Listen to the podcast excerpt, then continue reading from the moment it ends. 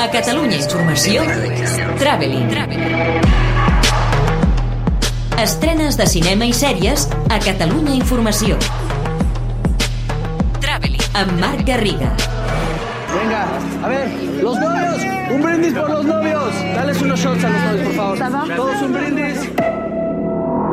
Aquesta setmana arriba als cinemes Nuevo Orden, un dels millors films del 2020, que es van dur al Lleó de Plata a l'últim Festival de Venècia, dirigida pel mexicà Michel Franco, que explicava a Catalunya Informació que accepta la polèmica que ha envoltat el film allà on s'ha estrenat. La polémica es bienvenida, me halaga incluso y me hubiera preocupado que no sucediera con una película como esta, aunque lo que buscaba no era provocar nada más reacciones fuertes, lo que quiero es decir el statu quo es insostenible y si no cambiamos la manera en que estamos viviendo vamos a llegar a un extremo violento como el que la película plantea i creo que lo podemos evitar. I és que Nuevo Orden avança la revolució que està a punt d'arribar, la de la classe desafavorida, desafecta amb els polítics i les elites, sense opció per progressar. Una revolució violenta, implacable, un carreró sense sortida que et deixa clavat a la butaca, un film impactant sobre el qual reflexionar perquè deixa obert el seu posicionament i, per tant, una proposta necessària i imprescindible. Tu vivrai con me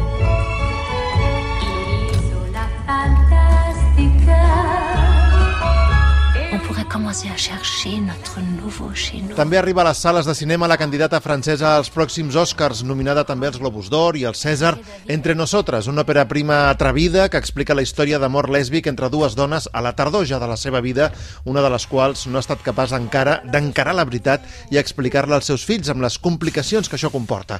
Un drama hàbilment construït que captiva a mesura que avança i que compta amb dues actrius excepcionals al capdavant, l'alemanya Bàrbara Sukova, musa de Fassbinder, premiada a Canes i Venècia, i la més desconeguda Martine Chevalier.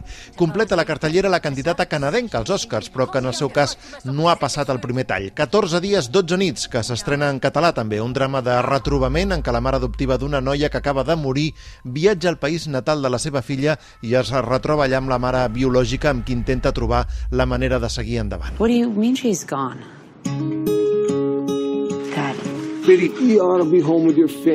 Poques estrenes en sales, però destacades i allau en canvi de novetats de films que no han aconseguit arribar als cinemes, però que troben aquesta escletxa de supervivència en les plataformes. En aquest cas, Movistar Plus torna a acollir molts títols inèdits. Ja estan disponibles Más fuerte que l'olvido, Lo que fuimos, amb un repartiment de luxe encapçalat per Hilary Swank i Michael Shannon sobre uns germans que han de cuidar de la seva mare amb Alzheimer, un film lacrimogen que treu a la superfície problemes intergeneracionals commovedor, una mica tòpic, però convincent. I Viaje a Grècia, un nou capítol dels films de Michael Winterbottom en què Steve Coogan i Rob Brydon recorren diferents països d'Europa discutint sobre qualsevol tema possible, en aquest cas mentre segueixen les passes d'Ulisses de Troia a Ítaca. A partir de dilluns, també a la mateixa plataforma de Telefònica, arriben la xinesa The Crossing, a l'altre lado, que examina l'angoixa adolescent, i la cinta de terror indie que va triomfar a l'últim festival de Sitges, Mi corazón no late si no se lo dices, un film de vampirs però molt da Alicata. També van passar per Sitges, però ja fa dos anys, i encara no s'havien estrenat aquí dues cintes que arriben a Filmin el dia 19. Ben com papà, que té Elijah Wood com a protagonista, un thriller recargolat, amb moltes dosis d'humor negre i moltes sorpreses, i Hail Satan, un documental molt interessant que trenca tòpics sobre els satanistes, que no són ni molt menys el que ens imaginem. This is the story of two of the biggest stars in the world.